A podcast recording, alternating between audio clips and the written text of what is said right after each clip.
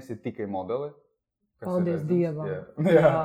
Kā Ar, ar ko tu vēl precīzi? Jā, pastāst mums, ar ko Jā. tu pati sev asociējies un ar nesen, ko tu gribi Nu, pat identificēties. bet es tieši nesen domāju par to, arī pandēmijas kaut kādā sakarā, bla, bla.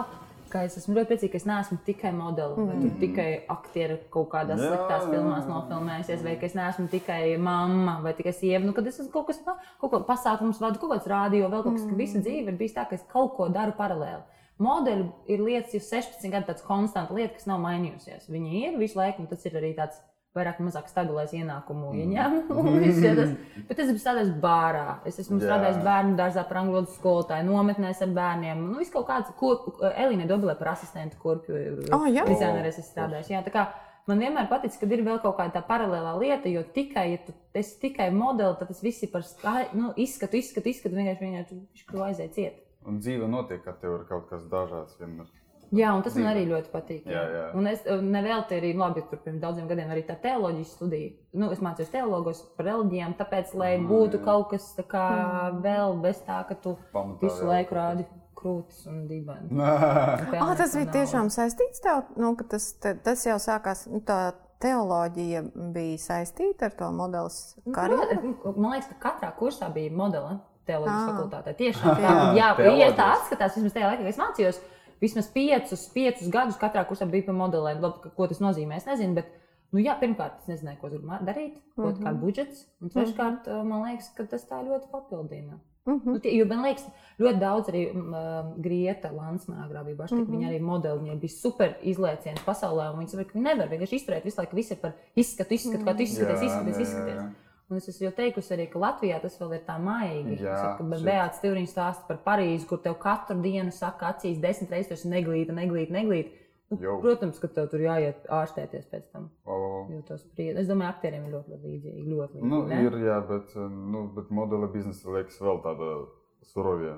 Nu, jā, jā, tas ķermeniskais noteikti Bet, tā, nu, bet aktieriem vēl ir balss. Kā tu nonāci vispār līdz tai modelei? Nu, pienāca Gins Budais, kaut vienkārši skolā vienreiz, tad es atteicu, Aha, tad vēlreiz es atteicu. cik tev bija Ti- gadi? Man 13 gados pirmoreiz pienāca. Jā.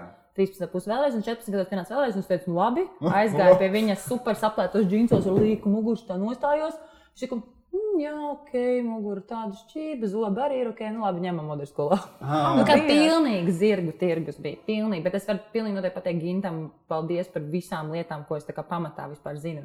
Nu, ka tu no tāda pilnīgi pašpuikas ar līku muguru, mugurē un šitādiem matiem tā kā vari noiet uz papēžiem un uh, Jā, jā. iznest.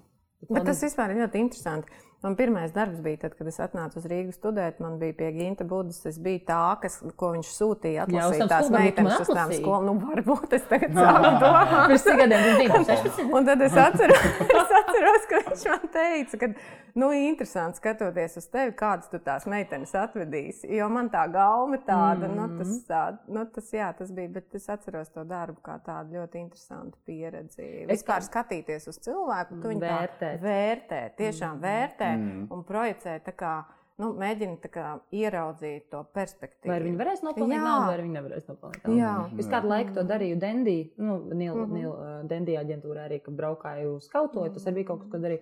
Man nepatika.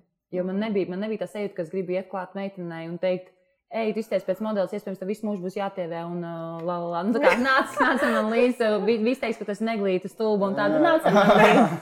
Nē, tas ir, protams, stereotipi, bet man vienā brīdī, tāpēc es atteicos no tā darba, es saprotu, ka es negribu vēl kādu cilvēku vest tajā industrijā. Kaut gan ļoti daudz saka, ka ļoti daudz to izmanto kā pakāpšanās. Piemēram, Mm. ārzemēs strādā, un pēc tam mācās, jo ir nopelnīt naudu un var labās augstskolās mācīties. Tā kā, ah, jā, daudzi tiešām modeļi izmanto to, ka jā, viņš izsaka labi, viņš sapelna naudu, lai varētu mācīties Forši, labu nu, izglītību iegūt. jā, tas ir droši Jā, kaut kāds. jā, jo ir arī tie, kas vienkārši nopīpējās, nonarkojās un Jā, jā. noticējās.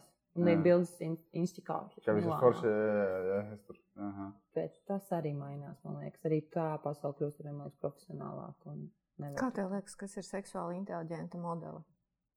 Tādu, kurai seks ir acīs. Es Pat, mums ir bijusi diskusija, jo tu redzi meiteni, kad viņa nepilngadīga un viņa iet. Mm -hmm. Un tā kā pa mēlu, un viņa nav seksa acīs. Mēs esam tieši par šo runājuši, un tad ir tas mirklis, tieši kad viņai parādās, un tu zini, ka viņai ir bijis. Mm -hmm. nu, tā kā Mhm. bija viņai, nu, kā mēs modelis Aha. sāk, sākam 14 gados, pat ātrāk, dažreiz Mm. 12. Jā, jā. Un tu ej pa mēlu, un tas ir jābūt beigas sievišķīgai un tādu. Un tas mirklis ir tāds, nu, no sākuma tas ok, bet tad, kad tas ar tevi notiek, tev vienkārši ieslēdzās, un tev ir cita stāja, cits, nu, tā kā tu vienkārši īpaši, ja tev vēl bija pozitīva pieredze, tad tas arī noteikti ir arī tas. Jā. Bet to rīktīgi uzreiz redzam. Mēs bija laiks, kad man liekas, ka kaut kādi 22 gadi bija. Mēs tieši ar Beatu runājām, Madara Malmanu, nu, kad ir tas mirklis, kad tu ieraugi. Viņai ir bijis! Ah, jo viņa tā kā pilnīgi citādāk Jā, sevi. No jā. mazas meitenes Ķermenī, kļūst kā. Tas nav tikai par mēnešu reizēm, bet kaut kādā ziņā tad arī tā Brīvība tāda ir. Nu, Jā, vai pirmais skūps ir bijis, vai kaut kā, nu, viņa ir apzinājusies to savu seksualitāti. Jā, un tas ir ļoti interesanti ieraudzīt. Ja, piemēram, arī mās, mājās, māsas vīrs, mēs dzīvojam pie māsas, abas vidējās māsas dzīvojam pie māsas, un māsas vīrs. Viņš uzreiz pateica, ka mums ir bijis. Viņš tā, mm? ko tu zini? Ko zini? Nu, Ko vienkārši man liekas, nu, ja tu pievērsi, pievērsi un ieraugi, tu jau vari redzēt. Jā, jā, jā, jā. mums tāpat, jā, kad iestājas aktierus, arī tur tipa, visi sēž tur uz žūrija, kad viņi tipa, redz, un- kad viņi redz, ka it kā nav, tad viņi jautā, un tas ir, Jā. tur pa brīžiem ir tāda strīdēšanās. Nu, es zinu, zinu, zinu tādu gadījumu par manu kursu biedrieni, kad viņi jautāja, tipa, vai viņi jau bija seks vai nē, un, un citi. Citi žūrija, tur, kur bija dalībnieki, teica, pagaidi, pagaidi, to nevajag jautāt. Nē, nē, ģipa, nu, tā, tā nedrīkst. Tāpēc, ka tiešām vai tas ir redzams, vai nu ir, vai nu nav, un redzams tiešām enerģija, jā, brīvā enerģija. Ko tu par to saki?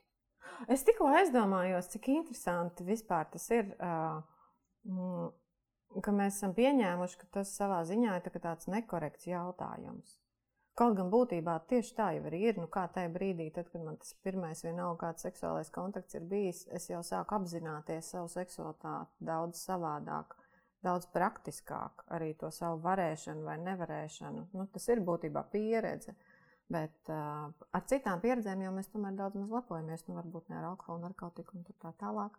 Bet, Jā, bet tas ir- es saku- seksuālo pieredzi tas man liekas tāds Bet - tā tīpaši seksuālā- 11 gados. Mm. Nu. Bet tā seksuālā pieredze es tieši gribu aiziet uz mēnešu reizēm atpakaļ. Jā. Jo man es tā kā ļoti gribētu, lai par to, tā, ka tā ir tā pirmā īstenībā tā pārējais Mm. pieredze. Jo man liekas, par to nu, vispār nerunā. Nu, kā vēl joprojām runā, bet labi, es domāju, to ar savām meitām jau, jau, jau runā. Mm. Bet es tieši domāju, ar savu meitu. Man gribās viņai pasakīt, ka tas ir viņas ķermeņa notiek, ka tajā mirklī viņai ir procesi, kas ir īpaši, kas maina hormonālo visu sistēmu, kas ietekmēs dzīvi līdz mirklim, kad ir menopauze, un atkal viss mainās. Līdz ar to man liekas, ir forši, ka tas jau ir tāds ceļš par seksuālo inteligenci, ka tu zini, kas ar tavu ķermeni notiek. Un kad es to sāku domāt, tad, kad es nopirku, šis būs uh, menstruālo piltuvīti. Aha. Tāpēc, ka tad tu esi tādā, tā ir tāda piltuvīte, nevis pakets vai tamponi, bet tāda, ko tu ieliec. Uz mēnešiem tad izvelc ārā, izlaiž ārā un atkal ieliec lolā. Uz, skaidrs. men, menstruācijas. Jā, jā, jā, Tāpēc, ka tad tu esi super ar sevi kontaktā. Mm. Pat ja tu Aha. nemasturbē vai nedari tādu vai vēl ne, neko ar sevi nedari, tu tādā mirklī esi sevi iekšā. Mm. Ir da- Un daudzām sievietēm arī grūti ir atslābināt. Un tad, kad tu to dari, tas arī ir ļoti foršs process. Un kopš es uh, arī izlasīju vienu grāmatu par uh, hormonālo ciklu sieviešu, tāds women's code, kā iet, kā katra nedēļa Mhm. citādāk. Ka mēs drīkstam vienu nedēļu pamosties teikt, "Ā, man viss ir iebies, lieciet man mierā. Un vienu nedēļu vienkārši man ir tāda enerģija, es varu izdarīt jebko vienkārši. Jā. Un tas ir forši, ka mēs esam dažādas. Un, ja šajā gadījumā es gan runāju kaut kā par sievišķo seksuālo inteligenci, Jā, jā. man diezgan grūti spriest Nu, ne, par man, man baigi vīrišķo. interesanti, jā, protams, daudz ko es. Bet man liekas, ka tas ir baigi pamatā kaut kādā ziņā. Tāda Man- nu, Man nē. liekas, ka um, nē, Te- tas tā- noteikti Tagad ir teorija. Tā ir teorija, tā ir teorija. Praktiski. Praksē balstītā teorija. Nē, man vienmēr liekas, nu, es arī viennozīmīgi esmu no tām, kas uh, uzskata, ka mums uh, nu, tas briedums nesākās kaut kādos mistiskos 18 gados, bet būtībā viņš sākās ar seksuālo briedumu. Un sievietes gadījumā tas ir vairāk par un ap uh, menstruācijām, kad uh, manai seksualitātei, um, manā seksuāl, seksuālajā pašpiedzīvošanā pilnīgi nomainās koncepts, kā es sāku sevi just, kā man dzīve norisināsies un arī kā es iesaistīšu cilvēkus. Jo man vienmēr ārkārtīgi interesanti liekas, mēs it kā te baigi ņemamies, un šis galīgi nebūs populāri droši vien. Bet mēs vienmēr baigi ņemamies par to, ka sievietei ir tiesības, sievietei ir tiesības. Bet man kaut kā liekas, ja mēs tomēr runājam par seksuālu inteligenci, tad tas nav par tiesībām būt fūrijai vienreiz mēnesī un pazemot visus un Nē, taisīt nē, kaut kādas nē. tur scēnas un tur, es nezinu, Mhm. tiranizēt cilvēkus. Tikai tāpēc, ka es nesaprotu, kā sevi vadīt, kā radīt sev lielāku vienotības telpu, kā aprūpēt sevi, kā patiešām varbūt ļoti detalizēti formulēt savas vajadzības, arī, piemēram, pieskārienu vajadzības, jo viss jau ir ārkārtīgi. Vai arī, piemēram, tā emocionālā jauda, kura ir no uz līdzenas vietas, te pēkšņi kaut kas aizkustina, te kaut kas atkal ir Mm. drāma, te kaut kas aizkaitina. Un man liekas, ka tur ir tas, nu, tas tāda inteliģences atslēga, kuru mēs baigi šobrīd vēl pagaidām palaidām garām. Bet tā Ka ir tā mazā atslēga. meitene, kur sāk šim iet cauri, ka viņu kāds mazliet kā pāratbalstītu vairāk, kā tas būs. Un, Kā tu vari to arī nokomunicēt ar ārpasauli, jo mēs tomēr nedzīvojam katru savas planētas. Beidz, jo es, piemēram, labi, es no sākuma to darīju brutāli. Pirms man ir mm. pasākums ar manu vīru ģimeni, un mana mēneša vienkārši lai man mierā. Ja? Tikai tā brutāli. Jā. Bet tagad, ja mans vīrs tiešām ir zina to manu ciklu, tiešām Mm. viņš zina. Un Man, piemēram, tiešām bija viens darbs, kurus es pārstresojusies, lai viņš saka, Māra, tie ir arī hormoni. Un, tā kā. Māra, to vari izdarīt. Mm. Mm. Šonadēļ tu jūties tā, Mm. ka nē. Ko? Jo arī runā par nu, tieši pirms tu PMS vai vēl kaut kas tāds. Vēl ir tas, ka ar uzturu mēs to varam ļoti ietekmēt. Nu, ne, nedzeru es ne tajā nedēļā kafiju, un nēdu es džanku, nu, nēdu es cukuru pārāk. Tāpēc ka tas vienkārši mans hormons un kuģi, kas ir otrās smadzenes, sagriezīs vienkārši vājprātā. Bet tajās dienās es tiešām atļaujos bērniem pateikt, es šodien nejūtos labi, lūdzu, lūdzu lieciet man mierā. Vienkārši aiziet. Es zinu, ka jūs gribat pavadīt laiku, bet šobrīd man tam nav resursu. Iedomājieties, Un es tavs, tavs bērns, es gribētu redzēt, es to es gribētu Nē, protams, bet nē. Tā Māra pasaka, un viņa aiziet. Nē, bet, nē, bet ir reizes, ka viņi tiešām saka, un pēc tam jau viņi atnāk. Pēc tam saka, tagad es esmu mierīgi, tagad atnāc, bet viņi zina, jo viņi zina, kā es varu uzsprāgt. Ah. Tad Nu to viņi arī tā kā.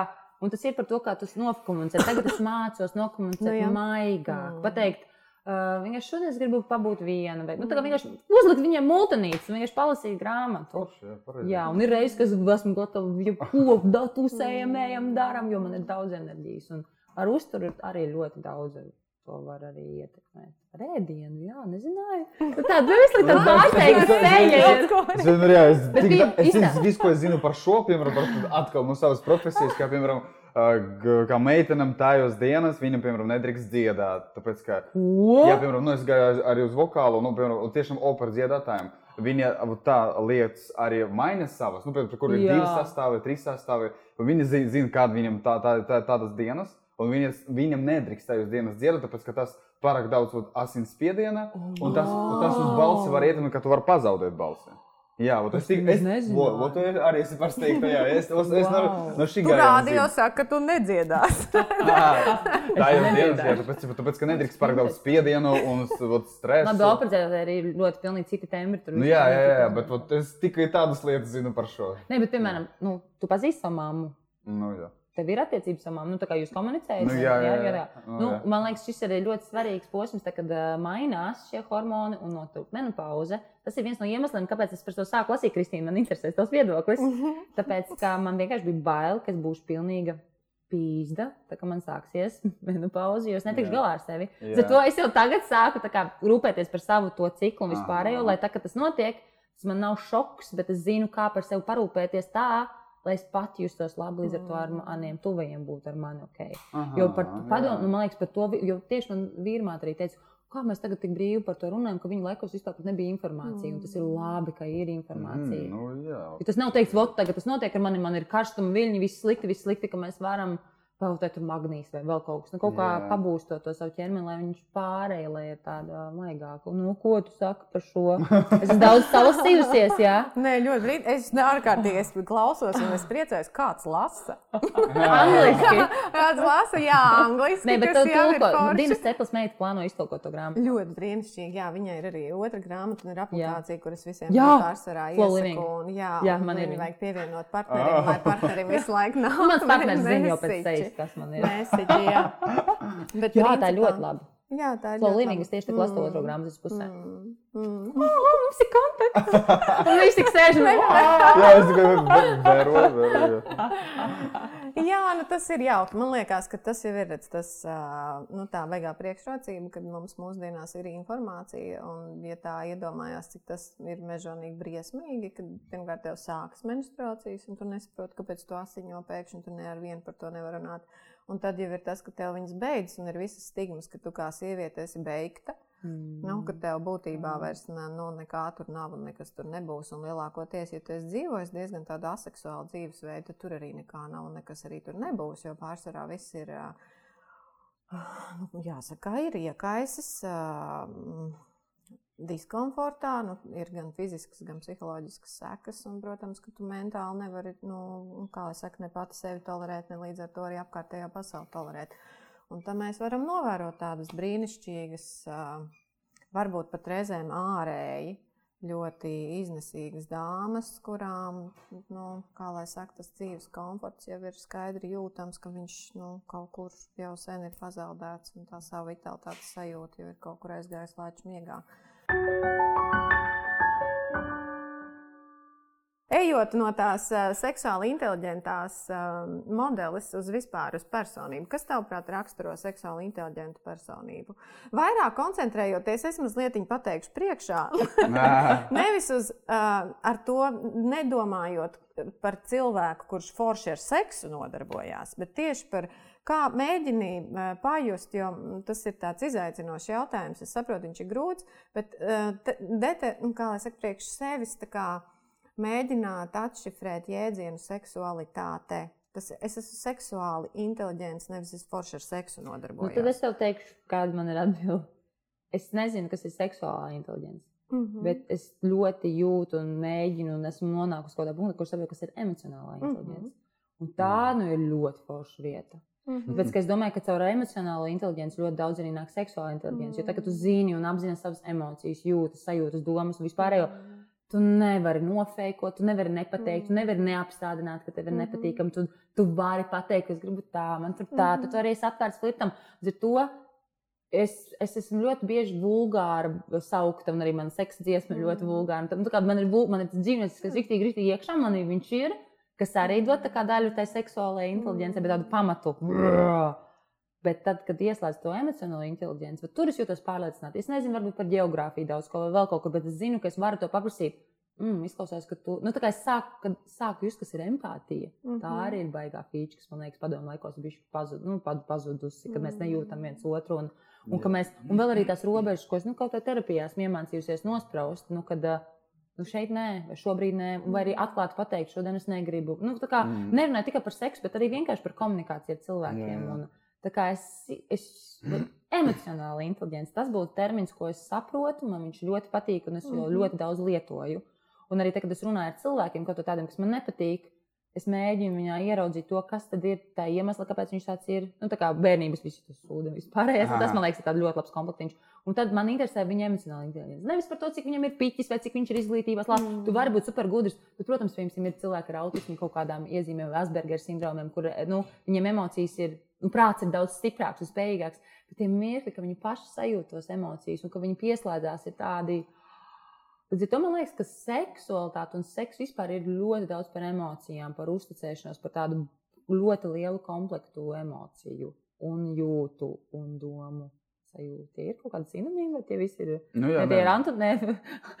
Dažādi, Nu, tā kā dažādi aspekti, kā kā, mēs jā. piedzīvojam. Tā, es, es nezinu, vai es atbildēšu tev Nu, jautājumu. tad brīnišķīgi atbildēji. Mēs vienkārši tas vairāk jautājums ir par to, ka, mm, manuprāt, pirms mēs tā kā nedefinējam, par ko mēs vispār runājam, tāpēc mēs arī bieži vien jūtamies tik apjukuši, ka mēs to jēdzienu nesaprotam. Nu, tas jau ir tas, kā tu pats salīdzini, ka tad, kad es sāku saprast, ā, kas vispār ir emocijas, kas ir jūtas un kā es viņās varu būt inteliģenta, tad arī man sāk veidoties kaut kāda struktūra, kā tad sevi izpaust, nu, caur ko, kādā veidā virzīties uz priekšu. Bet, ja man nav ne jausmas, nu, tur priekš kam vajadzīgas jūtas, jūtaļošanās tur baigi nepalīdz. Nu, būtībā traucē, izslēdzam ārā, ejam tālāk. Mēs jau neapzināmies ļoti daudz savas vajadzības, jo mēs tā kā nespējam nemaz kodēt vaļā kaut kādus jēdzienus, kurus mēs tā kā lietojam, nu, kuram cilvēkam nav jūtu. Nu, tas nav brīvs gribas akts, just vai nejust. Ir jautājums, vai es protu to izpaust, un vai es protu, nu, kā lai saka, arī to vadīt. Jo par vadīšanu ir ļoti interesanti, kad es vispār sāku pievērsties intensīvai emocionālajai inteligencei un tās apgūšanai, tā ka man šis ir jāsaprot. Tā kā man viens draugs pateica, ka es vispār neesmu emocionāli inteliģents, un man bija tā, ko? Un viņš pateica, kāpēc? Tāpēc, ka tu nespēji paciesties, ka tu esi izsalkusi. Man bija tāds, kā tā, nu tā, tā ir pilnīga taisnība. Un es to zinu, ka tā ir taisnība. Tā agrāk, īpaši, kad man piedzima bērni, man vienkārši vajadzēja ēst tagad un uzreiz. Un viņš jūt, jo viņš tāds pats tas cilvēks. Tas ne, un tagad man tas piemīt, ka es varu paciest, es varu iedot bērniem no sākuma paēst tā un pat. Mm. Man nebija agrāk tāda spēja. Man nu, ēdiens bija primā. Nu, kaut kāds arī bērnības viņš, kas nedabūja ēst bērnībā, un tas pārnāca. Tagad es esmu pieaugusi sieviete. Es zinu, ka jā, man varētu būt šis mans triggers. Bet tā kā pagamā arī jāpo, padzeries ūdeni, tu tūlīt dabūsi, tūlīt uztaisīsi sev ēst. tu- Un tas bija mieres, kas sapratu, es varu to kontrolēt. Es varu, kā tu teici, vadīt. Es to varu vadīt, ka emocionāli arī lieta, ko tu vadi, varbūt līmenis piemērs par ēšanu, bet tas jums ir tāds super uzskatāms, kur ir tās jūtas, emocijas un fiziskais. Tas sajiet viss kopā. Viņš ļoti labs piemērs, jo vispār jau tad, ja mēs runājam par tādu seksuālo pašizpausmi, nu, tas jau ir tas pats jautājums, vai es spēju pagaidīt. Nu, vai es tā kā iegāžos uzreiz, mm. nu, ja es flirtēju, tad es nejūtu robežu. Nu, ja es, nu, Tu tagad domā, gribu- vīri flirtē vai citiem flirtē? Da vienalga, ja godīgi, jo tas viss būs atkarīgs no manas robežas sajūtas. Es varu flirtēt kaut ar visiem pēc kārtas, ja es saprotu, kāpēc es vispār to daru. Nu, ja es vienkārši uz citu cilvēku rēķinu baroju savu vārgo pašapziņu, tad, Jā. tad tas Tas ir vispār nav attention par manu. Nu, jā, nu, tad es būtībā būstojos uz citu cilvēku rēķinu, un es jau pat neesmu attiecībās. Nu, tajā brīdī tik daudz kā ar cieņu, ka tas cilvēks arī kaut ko jūt, viņš arī kaut ko pārdzīvo, tas viņam arī dod kaut kādu to, nu, kā lai saka, turpinājuma sajūtu. Nu, kas ir tas, kā mēs, protams, kaut kad sev nepateikt, lai kā es gribu, es to neņemšu. Vai šis Jā, nav īstais un brīdis? tā ir tik stipra, tā ir tik Mm. spēcinoša sajūta. Es to ļoti. Man, es jums es tev vispār neļaušu runāt. Nē, nē, nu, tu tur runa, nē, man interesanti. Nē, tā ir tieši tas, ko tu teici, ka tu spēj sev, Mm. ka tev grib, es saku, tieši man dzīvnieciskie instinkti man ir super stipri. Nu, tā kā, un arī saku, vīriem, man ir kairinājumi. Visu laiku tu čiri ir, visu laiku nāk pretī kairinājums, nāk, nākamais, nāk. Un tev ir tā, ka jā, tu kaut ko tā kā lā, lā, un tu saproti, šis ir interesants, man šis patīk. Mhm. Bet es teikšu, nē, jo es zinu, kas man ir, un man tas ļoti patīk, kas man arī ir. Un tajā mirklī, kad tu aizej mājās, samīļos ar vīru, liekas, cik labi, ka es esmu izaugusi līdz tam līmenim, ka es spēju apzināties, kas man ir. Un novērtēt to, kas man ir. Un pateikt, arī izjust to pieredzi, to kairinājumu pieredzi, kas ir ļoti interesanti, kas arī iedod tādu. Un tu aizej vienam, saka, "Ai, es atkal satiku vienu puisi, nu tā ejam uz randiņu. Nu, tā kā uzreiz darām kaut ko, come back to me. Un, bet arī tā ir kaut kāda savu, ko tu arī iemācies. Un, piemēram, tik- tikko man bija tieši viena filmas filmēšana par uh, seksuālām fantāzijām un par fetišiem. it kā. O, wow, šī tāda būs Latvijas Jā? Eits taisa tādu O, filmu. jā. labi. Mēs jau pirms divām nedēļām pat ķīpselā viņu arī filmējām. Jā. Bet, bet es nezinu, vai samontēs un kā, bet priekš manis tā bija ļoti, pirmkārt, es neesmu aktrise, man ļoti interesanti pieredze bija, kā uzreiz, tā kā, nu, principā man ar tevi vajadzētu sūkties un bučoties, mīcīties, principā. Nu. Nu, varētu, jā.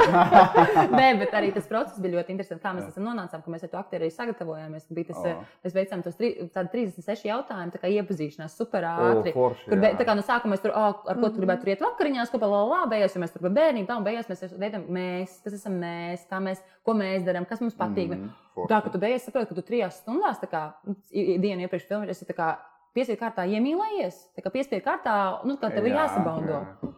Tā bija ļoti interesanta pieredze. Bet pēc tam es nezinu, ko jūs aktieri darat, kā jūs atteicat pēc tam. Man bija tāds, ka, labi, viss fine, var šis te, ka es visu kontrolēju, es biju patīkami, bet es esmu mājās, es nospēju robežu, bet nekas nav izdarīts. Nu, tā kā jā, baigi stipri. Un pēc dienas man ir breakdowns, es vienkārši raudu. Man ir slikti, un es uzreiz es viņu zvanīšu terapeitei. Nu, tāpēc, ko man gribētu piedzerties, un aktieri varbūt nonarkojas, kas tas būtu pirmais, kā es vienkārši piedzeršos, lai aizmirstos. Jā. Nē, es aizgāju pie terapeita, runāju, runāju, raudu. Un tas pieredzi, ka tāda sajūta, ka 16 gados, kad tu iemīlies, la, la. Un es pārnēmu, pārnēmu, saku, bet es taču tik ļoti mīlu savu vīru. viss tā.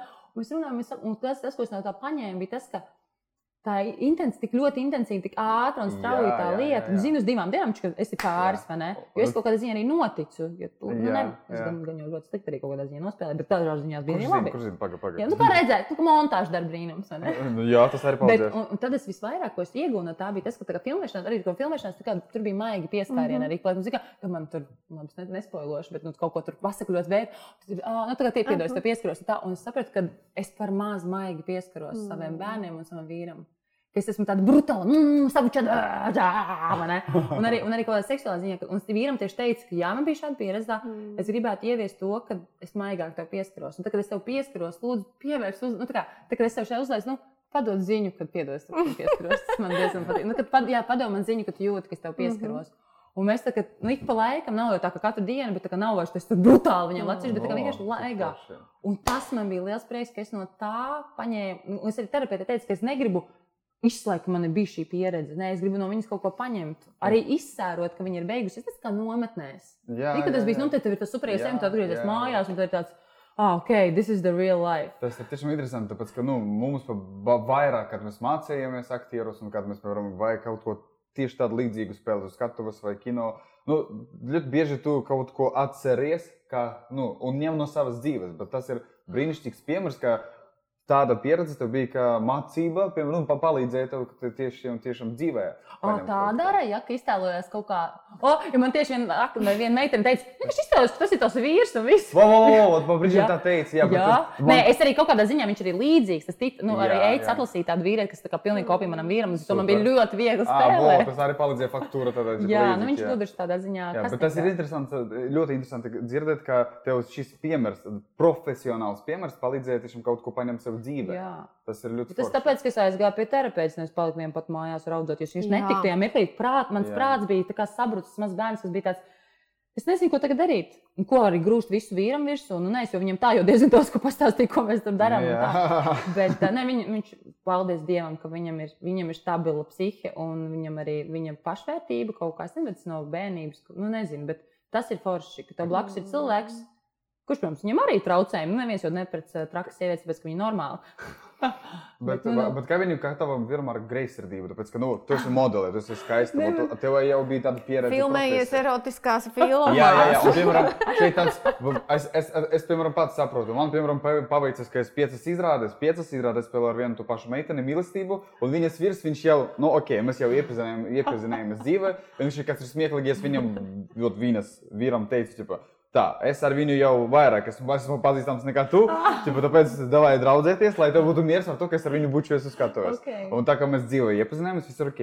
Bet, ot, piemēram, kā tev, tu jau sen esi modele, un, protams, pie uzmanība no vīriešu puses, protams, ir tāda liela uh, tava puse. Un kā ot, uh, jūsu ģimene ar šo greizsirdību, tāpēc, ka tev ir tāda profesija? Es domāju, ka. Kā ēķis ir interesanti teikt, filmēšanas laikā. Nu, jo es jau tur jau zinu, pēc pandēmijas tur nevienam sasprāstījis, sprāgst, operators nejās par maniem jēliem, jokiem, visi gaismotāji. Nu, visi man ģimene, jo man vairāk patīk pat nevis ar aktieriem strādāt, bet ar to krūvu.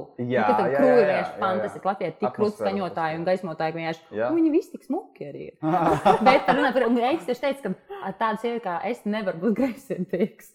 Bet, mm Mhm. -hmm. bet kā mēs, es domāju, ka tā pamatlieta, es ticu, es gribētu tam ticēt, ka viņi zina, ka es esmu patiesa un atklāta. Mhm. Nu, kad, ja būs sūdi, es pateiktu, nu, tādā Mm. ziņā, nu, kad es neko nevaru pazaudēt, pasakot taisnību un atklāt viņiem, pasakot, o, oh, man bija tā tāda sevi, kas es tā kā iemīlējos. Nu, es viņiem arī to saku.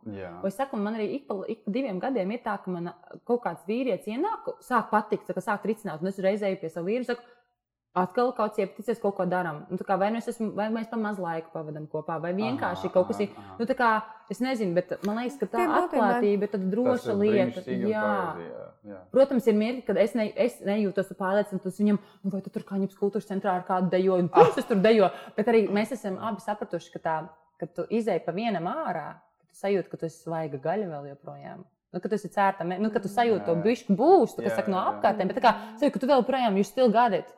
Un tad tu atnāc mājās, saka, es vēl projām esmu foršs. Nu, kā arī viņš, ka mēs izējām ārā, Vo.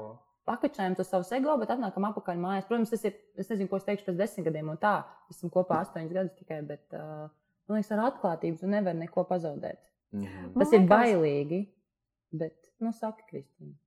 Nē, zinu, kā man liekas, ka ļoti daudz, kur cilvēki tieši uh, piemirst, ka šie procesi, kas ir uh, iekārs procesi, ka es sagribu kādu, vai es iemīlos kādā, vai es sajūtu pēkšņi pret cilvēku kaut kādu tuvības, saj- nu, ka vienkārši viegli ar viņu būt, ka tie jau nav tādi mūsu brīvas gribas procesi.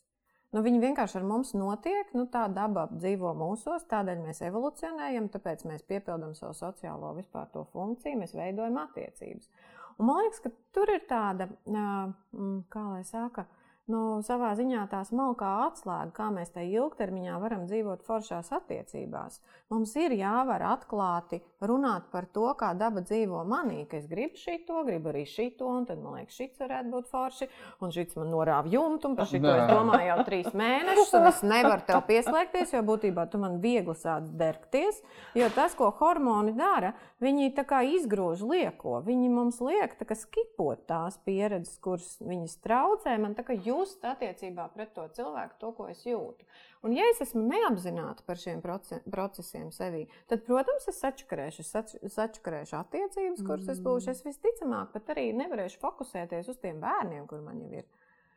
Kādi tur draugi tie vispār var iet atpūsties uz kaut kādu laiku? Nu, tas ir kad cilvēks izslēdzās. Un man liekas, ka šis ir ārkārtīgi svarīgi saprast, kā bioķīmiskie procesi un psiholoģiskie procesi ietekmē nu, patiešām to, kā mēs to dzīvi dzīvojam. Vienalga, vai tā ir loma teātrī, vai tā ir loma kino, vai tas ir, nezinu, terapeitu no darbs, kur tu intensīvi ar cilvēku veido saiti, vai, vai mēs, nezinu, aizbraucām kopā ceļojumā, uzkāpām kalnā.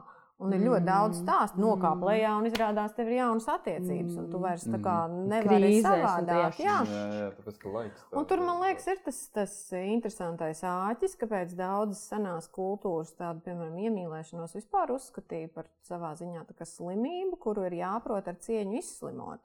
Tu tajā brīdī neveido realitāti uz tā, nu, tā kā uz simptomātiku, tu neveido realitāti. Tu pagaidi, kamēr simptomātika atrisinās, un tad tu skaties, vai tajā realitātē tiešām mm. tur ir kaut mm. kāds pamatojums. Un uh, vēl kas man likās interesanti, tas, kā tu stāstīji, ka tad es skrienu mājās pie vīra, un tad mēs kaut ko tur darām. Kā... Un man liekas, ka šis ir šausmīgi interesants. Es ļoti bieži klausos, klausos tos stāstus, Un iedomājieties, cik mums ir bail no tā, Baigi kas ar bail. mums notiek. Baigi cik bail. mēs jūtamies nesaturēti, ka, kā, ja man kaut kas ir, es kaut ko biju pieņēmis lēmumu. Tā, es biju pieņēmis lēmumu, ka man ir vīrs. Ok, labi strādāju uz to, ka man ir vīrs, man ir vīrs, man ir vīrs, to malā, malā, malā, malā. Nu, es te tagad būšu tā sieva, bet būtībā nu, tur arī ir liels jautājums, cik tas randiņš ir objektīvi, nu, kā lai saka Kas tajā randiņā notiek, tad, kad mēs viņā pat funkcionāli aizejam? Un, ja mēs mazliet ļautu sev reizēm, varbūt arī pajust kaut ko tur vairāk un pabūt tai savā vienpatībā, lai tā kā Jo tas, ko iedara, izdara, nu, ir tīpaši, ja tā iemīlēšanās iet kopā ar iekāri, tas ir mums tāds ārkārtīgi radošs brīdis dzīvē, un tādu nav sasodīt daudz. Jā, tiešām tāds pacēlums, kur tu vari kalnus gāzt, jo reāli nav kalns. Nu, ir reāli jauda. Nenāk miegs, protams, jo var vai no kaut tikai ir jāguļ, lai visu laiku varētu drīmot tur par kaut ko. Nu, tas ir kā kuram tā fizioloģija strādā. Bet būtībā tas ir ārkārtīgi radošs brīdis, un mums nemaz nav tā, ka mēs ar to vienu partneri ne, nu, neizmīloties, varam atkal iemīlēties. Un reizēm tā mm, iemīlēšanās citā cilvēkā un tās alkas pēc cita cilvēka mums ļauj paņemt to pauzi, kas pēc tam mums ļauj, ak, Dievs, šito ir. es tomēr gribu vairāk. Tieši, bet tā arī nu, tiešām jā. ir tieši tas, ko tu saki. Tieši tā. Bet nu, es tagad, nevaru kā... tur tikt, ja es sevi liedzu un es stumju sevi mākslīgi atpakaļ. Bet, protams, tas nenormāli daudz prasa no partnerības. Tieši šo te tiešām inteliģenci un saprast, ka mēs esam daļa no dabas un viņa dzīvo mūsos. Un tam nav nekādas saistības ne ar mūsu morāli, ne ar mūsu kaut kādiem tur sadomātajiem principiem, ne izdomātajiem parametriem, kā es tagad dzīvošu. Ne, tāpēc es arī tieši, kāpēc es uh, sapratu to, ka man vajag palīdzību no malas, lai tiktu šo galā. Es teicu arī terapeitē, ka man teica, ka man vajag, vajag laiku izsērot mm. arī to, nu, tā kā to, ka tā, nu, tā kā noslēgt to tās divas dienas filmēšanu dienas savā jā, jā. galvā, lai tā kā bet viņas izdzīvot, nevis aizvērt. Mm. Čik, bet tā kā, oh, mm. oh, tas bija forši. Oh, bet arī nu, ar visu to komandu, tā kā rīktīgi nometnes. Tas nebija tikai par to aktieru spēli, tas jā, bija par to jā, visu. Jā, jā. Tagad, bet vēl padomā, ka tu divus mēnešus mājās ar bērniem, tu mm. vispār nekur neej, tev vispār nav darba. Nu, tā kā viss pandēmijas laikā. Un te pēkšņi tu vienkārši esi full on produkcijā ar 60 cilvēkiem, un tu aiztiec cilvēku, tu pieskaries, un tu pirms tam divus metrus ar visiem ievēroji. Un šis arī man bija tāds, ka, nu, Es pat nezinu, kas man vairāk jumtu nonesa, bet nonesa. Viss kopā, viss kopā. Jā, vienkārši tas komplekts bija. Jo tas ir ļoti interesanti, kad saka par to attālināšanos, lai satuvinātos arī. Tāpēc jā, jau laikam jā. ir forši tomēr, kad arī ceļo atsevišķi. Jo tad, kad ir bijis pabijis prom, prom no acīm, prom no sirds, tad atkal tā, tā, tā, tā, tā iepazīst no jauna, un tad ne. Ja mēs nemūkam, bet ja mēs dodam sev vienkārši autonomijas telpu, ka man ir svarīgi pajust sevi, mm. no, lai es varētu apzināti nākt atpakaļ attiecībās, man ir vajadzīgs kaut kāds brīdis, kad es vispār pajūtu sevi, ko es gribu ar šo cilvēku, ko es gribu ar šo cilvēku. Nu, kāpēc es vispār esmu kopā ar šo cilvēku? Viena lieta ir funkcionāli būt tur kopā, lai sadzīvē vieglāk, mm. un tur tos bērnus ērtāk, ērtāk ir aprūpēt un vēl kaut kas.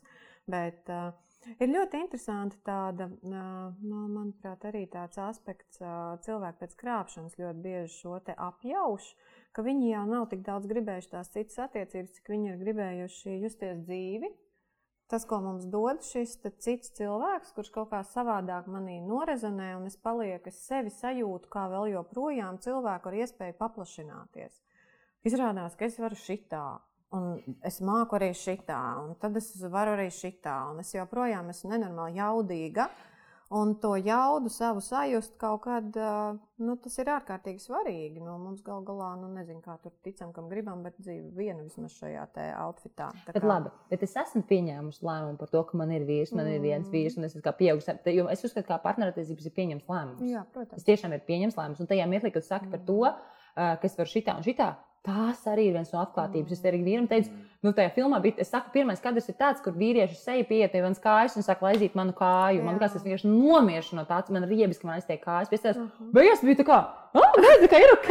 Es, es varu arī šitā. Jā, un es tam aktierim saku, ej, šī taču tu mājās savai sievai dari, tas tik, tik labi tev sanāca, viss ar tevi, tev, visi operatori tev riktīgi sanāca. Un es saku, nu, nē, es nevaru, ko mēs tad sievai teikšu, kurš iemācījās. Un tu man viss saka, nu, kā, kur teikšu, nu, darbiņā teikšu, iemācījies, tā kā fine. Tur, tur to ok. Un, un tajā pašā arī ziņā, tādā ziņā tā ir atklātība. Protams, Mārņam to, nu, savam vīram to pasaka par to kāju, nu, varbūt kādreiz mēs to pamēģināsim. nu, tā kā, nu, ka tu tiešām, ka tu sajūties to dzīvi, bet ka mēs to dzīvi jau varam pārnest arī pēc tam, jo es gribu palikt pie tā, ka man ir vīrs un es esmu pieņēmis lēmumu. Jo man, manā pasaulē, kur līdz šim man bija tāda, pirms iepazinos ar savu vīru, mm. kad uh, viss man pamet, nav drošas attiecības, nedrošā piesaiste, mm. lā, beidzot apzināties, ka kaut kā tas ir lēmumu līmenī par drošo piesaisti, par partnerattiecībām. Mm.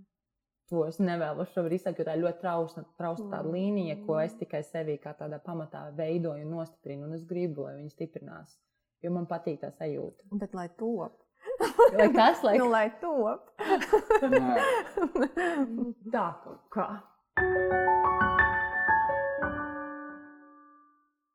Runājot atkal par ķermeni, ot, pēc diviem bērniem, kāda tev bija atgriešanās modeļu karjerā? Jo varbūt tas nebija tik vienkārši, kā liekas. Tāpēc, ka, nu, es, ot, es, es varu atkal pateikt, tu kā izskaties, kad es tevi pir, pirmo reizi ieraudzīju, joprojām tā un izskatās. Bet es ticu, ka varbūt nebija viss tik vienkārši.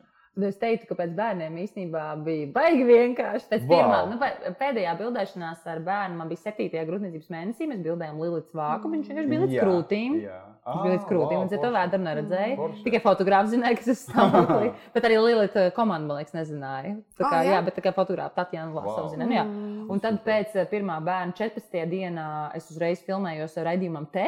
Pēc dzemdībām 14. dienā pēc dzemdībām dabūju apsaldējumu, un dabūju mastīti. Tā tad bija pārforsēja, protams, ja ko es otru, nu, ar otru bērnu nepieļauju šādu kļūdu. Pēc tam man bija ļoti liels, labs krūtis. Mm. Ar kurām varēja ļoti, jau pirms tam man bija apakšveļa, jau tā, kad es paliku stāvoklī, jau Jā. bija man dibens, viss vēl fine. Tad līdz es 4. mēnesī bildējos apakšveļa zīmolam, un es nevienam neteicu, ka es esmu stāvoklī, yeah. jo krūtis bija tā kā. Uh! bet, nu, viņi beigās jau, ne, pat nenojaut, nu, vēl neredzēju, bet tas, kas vienkārši, ja es parasti bildēšanos esmu aktīvi, tad es vienkārši gulēju visu laiku, nu, jo man tur vilka visu kaut ko un tā. Mm. Bet es ļoti ātri atsāku darbus pēc pirmā bērna filmēšanas. Man tieši bija jāpabeidz sezona te raidījumam, kas bija Latvijas televīzijā. Jā, tur nebija variantu, man bija jāfilmējas. Vienkārši vīrs ļoti daudz palīdzēja. Un pirmos sešus mēnešus man bija diezgan intensīvs darbs. Es saku, man bija liels, labs krūtis. Man bija mazas strīdas. Es nebiju beigts pieņemts. Es īstenībā pirmo bērnu biju ļoti, ļoti, viņš man apēda, nu, izsūca mm. ļoti. Es biju tāds skinīgs. Un ar otro bērnu bija tā, ka vēl es paspēju ar lielajām krūtīm kaut ko nopelnīt, bet viņas jau bija zemākas. Bet, tā, un, bet tad, kad es izbaroju pilnībā otro bērnu, tad, eh, kā es teicu, sagī boobs matter too. un tagad es mēģinu, kā, un, un kādu laiku es nejūtos labi, un tu man vēl vīrs vienreiz pateici, nu, tev tiešām pēc dzemdībām platā gurnu palikuši no tāds. Un oh. ko tu ar to gribi pateikt? Yeah. Es teicu, saprotu, bet tā ir. Tā ir man. Ir pateikt, man ir stabils 40. izmērs gurniem, kad agrāk man tur bija 36, 38, bet es vienmēr esmu bijusi drusku lielāka. Bet uh, kas man ļoti iedeva tādu konfidences būstu, pašapziņas, kā, Konfidents būs kā iztulkot latvijas nav neapstrādāt. Ar Olgu Kolotovu pastaigā bija bildēšana un Zernovu. Un Man vēl ir īsiem matu uz dziesmu svēkiem, un viņi man uzdeva kaut kādu Annas lietu klētiņu. Ai, nu bez krūšta. Viņa saka, ir seksī, seksī, ir labi, ir seksī. Un es to pastījos, "A, varbūt arī ir seksī bez tā krūšta. Labi, tagad man ir tāds maziņš, un es vispār gribu nopirkt. Man, gaisa tie pušapi vispār nē. Man arī proporcijas vairs neliekas foršas, kad es uzvelku pušapu, ka man ir tā, tā kā pārās sievietes. Tad uh, es jūtos pat proporcionālāk, ka viņas ir mazas un zemas. Un, Viņas ir krietni jutīgākas, krūšas, tās krūtis. Aha. Nu, tā kā ja man pirms tam vispār, man bija, per, es biju krūšu meitene. Es vienmēr esmu bijusi krūšu meitene. Nu, tā kā man dīvains nekad nav bijis, man ir smuks krūts bijušas. Nu, es ar viņām arī pelnīju naudu. Nu, Nu, tāda idejas, Darbs. nekad plikām, bet apģērbtām. Jā. Bet tad man nepatika, ka man pieskārās viņam. Arī krūts barošana nebija lieta, ko es izbaudīju. Tas bija vienkārši tā, kā tev saku, izstāstīts vīrietis, ka tev no krāna vienkārši vēl tādu mazu diedziņu visu laiku ārā nolikās līdzīgs sajūta. Vienkārši tā, ka tu baro krūts, sorry. Mm. Sorry, sorry. Nav man labi. Sorry, Tā kā beig, nē, sākumā īpaši, ka tev asiņo visu un tam līdzīgi, bet uh, nu, jā, mm, Aha. un sāp un visi sabiezējumi un viss, kas ir, kad baro ar krūti. Bet tagad man patīk, viņas ir mīkstas un foršas. Un tie, nu, kad es vai kad mans vīrs piesakās ar bērniem, es tam neļauju, jo tas ir mans krūts. Nē, neeju. Bet tā kā runāju par modeļu uh, lietām, ar krūšu tur vēl joprojām labi izskatās. Nu, Un uh, kaut kādas strīdas man ir pavisam maz, un arī es esmu, nu, šī ir veidi, kā noslēpt strīdas. Vienkārši pačējies pie šitādām pozām. Vienkārši. Kā modeļi. Visu laiku, jā, tu rādi krūtis, rādi apelsnes, bet vienkārši pieliec rokas priekšā, lai fotošopā nav jāapsēdās trīs. Wow. Celulīts man ir bijis no 16 gadu vecuma, līdz ar to tas nemainījās. Jā. Un spalvains es biju vienmēr. Mm. Tagad, starp citu, pandēmijas laikā es attaudzēju rītīgas spalvas, redzēs rokas. Nu, tās tas ir- nav spalvas. Man, jā, Man ir tā kā trīsreiz vairāk melnas, un mans vīrs bija šokā, ka viņš ieraudzīja. Viņš nebija redzējis, jo kāda modeļa darbs viņš skuju vienmēr. Un Jā. mans vīrs nebija redzējis, ka tādu. Viņš tā, oh, wow, tas jā. jā, bet nu, tagad atkal bija darbs, tagad atkal bija jānodzen, bet diezgan forši bija silti. Bet, ja runā par to, bet vēl arī daudz saka, oh, nu, cik ilgi vari būt modeli un tā, tā. Bet ta- tagad tieši ir tas labais mans tas vecums, jo tagad es tieši dabūju tos naudīgos darbus. Visas reklāmas kampaņas, kas Jā. ir, kur man jātālo jaunā māmiņa, kaut kādiem alkohola zīmoliem, kaut kādā, labi, kazinos es vienreiz, bet es labprāt to vairs nedarītu. Bet anyway, ka tagad tas 30, kas esmu tā 30 plus sieviete, Jā. tādas tirgu īstenībā ir diezgan maz. Jā, Īpaši jā, jā, Latvijas tirgu mēs jā. neesam daudz. Un man pirms pandēmijas bija ļoti daudz foršu projektu ar- Vāciju. Nu, jo viņi vienkārši brauca šeit, Somi brauca, Mm. Vācija brauca, Jā, Zviedrija, jā, Latvija citu. uztaisīt. Jā, Un, jā, jā. un, bet man ļoti, ļoti, ļoti kā Es teiktu, ka es jau gaidu, ka man būs pirmie mati, tad arī vēl cita bišu niša. Jā, jā, ot, ot, Tā arī kā- no, jā, jāprot novērst. Un tieši ta- tas ir ļoti pareizi. jā. Tāpēc, ka mūsu profesija ir tāpat. It kā vīriešiem vieglāk, kad viņi paliek jau vecāki, tāpēc, ka arī maz tādu, ot, uh, да, например, муз-театры, вот крео-театры, ir tiešām problēma. Ir jaunie varoņi, ir veci, veci varoņi, Bet vidējie. vi- vidējie nav. Un ar sieviešu arī ir tik, tik, nu, nav tik vienkārši. Mums kādas tur Dana Bjorka, Nika Plotnikova, un tur sākas jau nu, grūtāk. Tāpēc tiešām es, es arī tāpēc, pie- piemēram, gaidu, kad man būs pāri 30. Jo es zinu, ka oh, būs, būs, būs, būs tuvāk tur tam visam tādam. Jo visiem tur Džudlow, Cumberbatch, viņiem visiem sākas arī jau, kad viņi bija jaunībā, viņi bija arī aktieri, bet mēs, mēs, mēs viņus nezinājām tā. Es teiktu, ka tas arī ir forši, ka tagad arī bišku mainās tā modes Jā, industrija, gan izmēros. liekas. Jā, Gan jā. arī izskatos, jo kā man patīk, piemēram, Judita Denča tikko bija uz Mm. Vogue vāka. Starp citu, jā. Nu, ko vēl labāk Jā, kā jā, uzlikt uz jā. Vogue vāku? Man liekas, tik Jā, forši, jā, viņa jā. ir tik harizmātiska aktrise un nezinu. un Jā, tā tāpēc kā- jāprot no- novērst un to pieņemt. Bet vēl tu, tu teici par šo pa, pa, jā, un, un izbaudīt.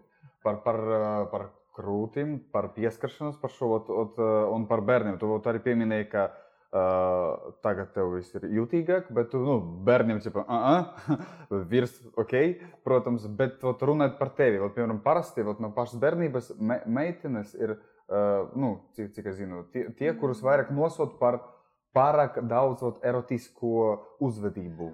Nu, pārāk Nu, man tā. Jā, nē, jā. mana mamma ir bijusi ļoti atvērta. Viņa padomju laikiem O. bija mega atvērta. Es esmu ceturtais bērns, kas ir dzimis un mani uzlika viņai virsū. Mhm. 89. gadā oh, mani wow. uzlika viņai virsū. Mhm. Un nu, viņa arī bijusi tur kliniskās. Nā, nu, viņa ļoti, viņa ir super Mm. iespaidīga sieviete. Nu, ja mēs esam četri bērni, un mums jau bija četras enerģijas, tad viņai tā visa enerģija ir vienā, un viņa Wow. vienmēr bija seksuāla. Tas dzirdējusi, kā viņa mīlējās bērnībā. Nu, kaut kas varbūt bijis vai traumatisks vai kaut kā, bet viņa bija tāda, nu, kur. uh, Nu, tas saka, tas dzīvnieciskais seksualitāte, kas man ir kaut kāda tā dziesma, ko es jums aizsūtīju. Viņa ir no Drīkst, tādiem, pam, viņa ir no ā, Es domāju, tas ir par to audzināšanu, ka mēs runājam. Man arī māsa uzreiz 12 gados iedeva bukletu visu par to seksualitāti un vispārējo. Mm. -hmm. Pro, mēs tieši nesen runājām ar terapeiti, kas ir tās manas lielās traumas, kāpēc man tik ļoti ilgi bija pret vīriešiem tāds no vācu rokas, uzreiz agresīvi, ko man aizsēs. Pirmkārt, runājot par uh, o, vīrinātājiem, kas piedzīvo, nu, kad, kad es maz piedzīvoju vīrieši, kas atver tev metālīti un tur apakšā ir pliks loceklis. Aha. Es piedzīvoju, arī mazi zēni to noteikti piedzīvo. Mm. Par uh, drošītājām tramvajā, kad sēdi blakus un tev vairs papildīšu, tas ir tāds. Jā. Vienreiz man ir bijis tā, ka es apsēžos tramvajā pietram un apsēžos blakus kungs. Es pat nepaskatījos. Es vienkārši piecēlos, iesit viņam pa galvu un aizgāju. Jo, malačo. Bet es, ne, nu, es vienkārši man bija tik bail. Un tad arī, piemēram, mammai mājās stāvēja pantēra, žirafe, visi mm. tie vecie žurnāli. un Es viņus lasīju. Un mēs te pēc tam runājām, ka iespējams tas bija manai psihē, tas bija bijis par daudz. Nu, tā kā, īpaši, ja tev nav blakus neviens, kas tev satur tajā laikā. Kas Un ka nav, no kas tā- paskaidro Jā. kaut kā Jā, jā. Mums kāds saka, jaunieši tagad pastāsta nenormāli hardcore Mm. porno, un viņam, protams, kad aiziet tā kā- brutāli, jā, jā. Un tāpēc es teiktu, ka uh, tas ir tāds komplekss. No vienas puses, no, daudz no tā ieguvu, Jā. tā kā atvērtība, tu vispār. No otras puses, es pirms tam ieguvu ļoti lielu piesardzību pret vīriešiem, aizdomīgumu un tādu, kas man tikai tagad kā, sāk mainīties. Un kā, kad agrāk man bārā žu, un tad es iemācījos, man piebukst, un es tā, mm, un viņš saka, es vienkārši gribēju pateikt, ka tu, tu forši dejo. Un tāds, labi, ka es neko sliktu nepateicu. Nu, tā kā, kad es jā, jā. pagaidīju, iepauzēju, nosakoju situāciju. Bet es ļoti jūtu arī savu intuīciju. un, Piemēram, ja ir kāds, aizdom, ja ir kāds nepatīkams, aizdomīgs, vienkārši uzreiz, mm, nebū, nu, Mm. uzreiz projām. Nu, Jā, nevajag. nevajag. Jā, Es varbūt no tāluma varu viņam dot iespēju, tagad vēl piečakot, varbūt viņu dot iespēju? Bet uh, baigi klausu savam ķermeņa signāliem. To es arī meitai mācīju. Tev ir sajūta, ka tu runā ar kādu, un tev ir sitās sirds un paliek slikti. Nē, tā prom un prom vienkārši. Man liekas, tas ir. Normāls ķermeņa robežas, psihiskas robežas, kur paši jau mēs esam atbildīgi. Jo Man liekas, ar to atšķirās seksuālā atbil, at, at, mm, izglītība kādreiz, lai kāda viņa tur bija. un Viņa ir bija būt jau viņa ir bijusi kaut kādos aspektos, kaut vai ar to, ka viņa nav bijusi, viņa tik un tā ir bijusi. Bet um, man liekas, ar to viņa atšķirās mūsdienās no visas iepriekšējās vēstures, kad šobrīd mēs tā kā patiešām jau no mazotnes vispirms mācām ķermeņa robežas, uh, no savu tādu pašpieskatīšanu. Nu, kad es esmu pirmais cilvēks, kas ir atbildīgs, lai es labi justos, un tikai tad ir visi pārējie, kuriem es lūdzu, vai saku nē, vai nu, kaut kādā veidā koordinēju. Un, uh, jā, tā kā tajā ziņā jau būtu bijis forši, ka mums arī tur, kur, jo es pati nāku no seksuāli atvērtas ģimenes, un es pieļauju, ka tas savā ziņā ir iemesls, kāpēc mēs varam tik brīvi par to runāt. Un tas no, noteikti, man liekas, ir tāda beigā dzīves priekšrocība, bet no otras puses, protams, tur ir bijis ļoti daudz, kas, ko tagad tā atskatoties, um, būtu forši bijis, ka kāds būtu iedevis bišķi jēdzīgāku kontekstu tai maza bērna psihē, lai tas tā kā Mm. integrējās tiešām plusiņā, nevis uh, nu, izveido kaut vai, piemēram, šo te, nu, tādu uzreiz uzbrukošo aizstāvīgo.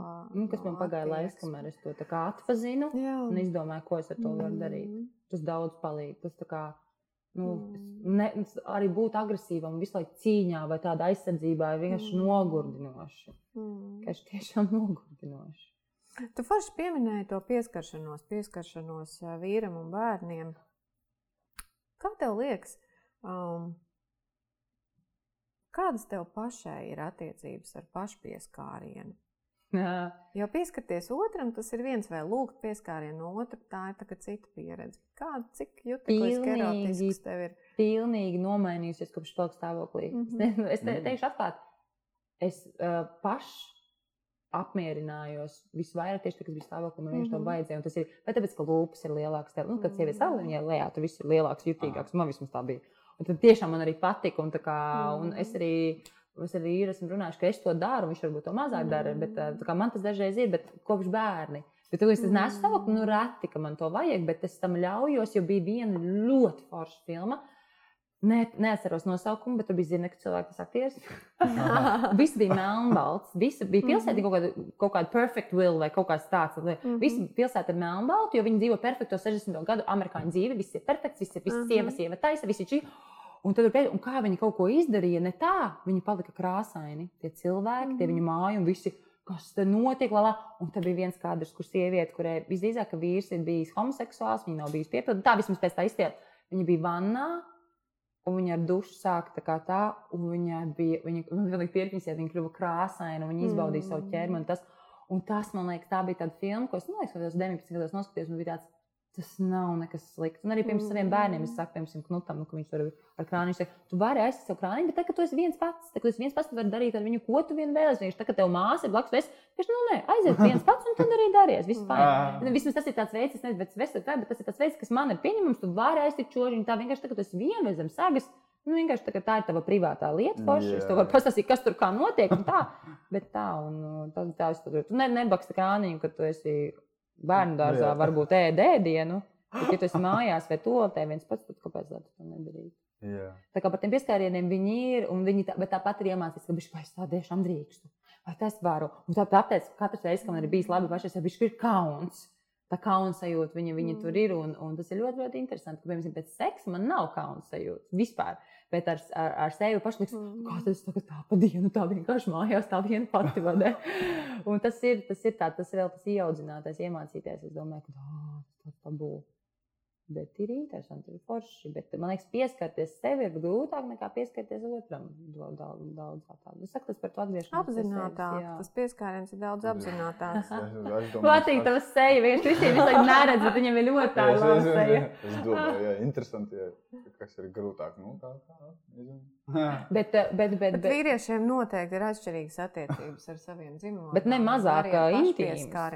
Nē, noteikti attī, Principā. intīmajā ziņā noteikti attīstītākas. Uh, vīrieši nu, tikai tāpēc, ka mēs puikas mazāk stigmatizējam. Nu, kā jau teicu, mēs viņus mazāk nosodām par to, ka viņi aiztiek savus dzimumu orgānus. jo viņi nu, arī mēs ir viņu- ārā. Līdz ar to viņi tur visu laiku karājās. laiku izdarīt, kaut tā kā, jā, pakasīšu, vai ne, kaut un vai, es- vai ne? Es tur nevaru pakasīt tagad tā. Nē, varētu vari, vienkārši, varētu vari vienkārši līdz šim tā dzimuma pedagoģija ir bijusi ar to, ka vīrietim vairāk veicina fizisku kontaktu un fizisku izpaušanos un sievietei Emocionāli. emocionāli. Mm. Līdz ar to mēs vairāk tur fantazējam, domājam un kaut ko tur jutekliskojam, un vīrieši vienkārši ņem un dara. Tāpēc viņi, kad ir noguruši, viņi iet guļ, nevis kaut ko vēl tur padara vai uztaisa scēnu. No, no viņiem ir vienkārši labāk attīstīti līdz ar to tie refleksi, kā būt ar to savu ķermeni. Tāpēc tas varētu būt vispār tāds interesants uh, aspekts, no kura pastīties. Bet, Jā, kas ir kopumā es vieglāk. Domāju, ka, uh, tas varētu atšķirties starp dzimumiem. Ne, ilgu laiku man arī likās, ka es esmu ļoti vīrišķīga. Man testosterons pa daudz, jo man tur bārda, ūsas, viss, vai ne, un spāles. Jā. Bet tagad es tā vispār vairs nejūtos. Tagad man liekas, ka tas mans, eh, es to nesaucu par vīrišķību, es to saucu vienkārši par dzīvniecisko tādu, Jā, jā. tādu, cil, tādu sakņu enerģiju. Viņa nav Mm. vīrišķība, viņa ir tāda vienkārši tāda wild. Jā, tas vai- ir ok, pat jā. Šis vārds jau Jā. jā, bet, jā. Tā kā es vairs tā ne, nesaku, ka es esmu vīrišķīga. Nē, es neesmu vīrišķīga, es vienkārši sava veida sievišķīga. Un vēl, Aktīva. un vēl aktīva. Aktīva. Mums ir Aktīva. divi Jā. veidi seksuālās, mm, kā lai saka, tie Teorijas. teorijas laiks. Nē, Nē, patiešām, nē, tas, ir, tas ir forši. Mums ir divi veidi šī te, nu, seksuālais temperaments. Es tā kaut kā mēģinātu viņu tulkot. Ir šis aktīvais, gribošais. Es zinu vienkārši, ko es gribu. Nu, es pieļauju, tev arī. Tu mm. Mhm. ieej bārā, tu zini, kur džeku tu gribi un kuru tu negribi. Un tev pilnīgi vienalga, ko tev pūš ausīs. Tāpēc, ka tu noklausies, pagriezies un aizēji tur, kur tu gribi, un tev nav bail saņemt nē, jo tas tik un tā ir interesantāk. Saņemt nē no tā, kur tu gribi, nevis tur Jā. skriet līdz tam, kur tu negribi, un tur tik kaut kas notiek. Bet tas pasīvais, reaģējošais seksuālais temperaments, viņš tāds ir, bet tam nav nekādas saistības ar vīrišķo vai sievišķo. Tas ir vienkārši mums ir šī pietiekoši aktīva dzimuma hormona, kuri no, nosaka to, ka mēs esam šie aktīvi gribošie cilvēki, un tad ir tie, kuri ir reaģējošie. Ļoti no konteksta būs atkarīgs, ko viņš sagribēs. Un tur um, reizēm veidojas izaicinājumi, pie, it īpaši sievietēm, jeb kā būtu korekti mūsdienās teikt, personībām ar sievišķajiem dzimuma orgāniem, ā, veidojās reizēm šis sarežģījums, ka es ā, īsti nemaz negribu to, kam es aizēju līdzi, jo man tik ļoti patika patikt. Ka tad, kad es atmodos no tā, ka man vairs, nu, man jau apnīk, jo tas ilgstoši nestrādā, Mm. es saprotu, ka man ir reāls izaicinājums būt piemēram fiziski tuvai. Jo man vau. vispār pat sākumā nepatika. Un viena lieta ir tēlot jūtas, vai tur priecāties, ka es patīku, jo tas tā kā vēl būs to, to pašapziņu, un tu atplaukst, un tu tur vēl vairāk izpeldies, sāc demonstrēt to vāru savu. Bet tajā brīdī, Vāru. kad tas iet par pieskārienu, tu viņu jūti, un tev viņš riebjās, vai tu viņu nevari tolerēt. Un tad sākās tas nu, izaicinājums lielai daļai ar šo te, nu, reaģējošo seksuālo temperamentu, kad ir reāls auzas brīžam bija forša līdz vienam līmenim. Un tur sākās tas sieviešu slavenais izaicinājums, bet es seksu negribu. Bet kā, nē, es, es, es nezinu, kāds ir. Nu, jā. nu, jā. Bet, Bet tas ir interesanti, labi, ka tu to saki, jo es, es arī nu, tā kā savā arī.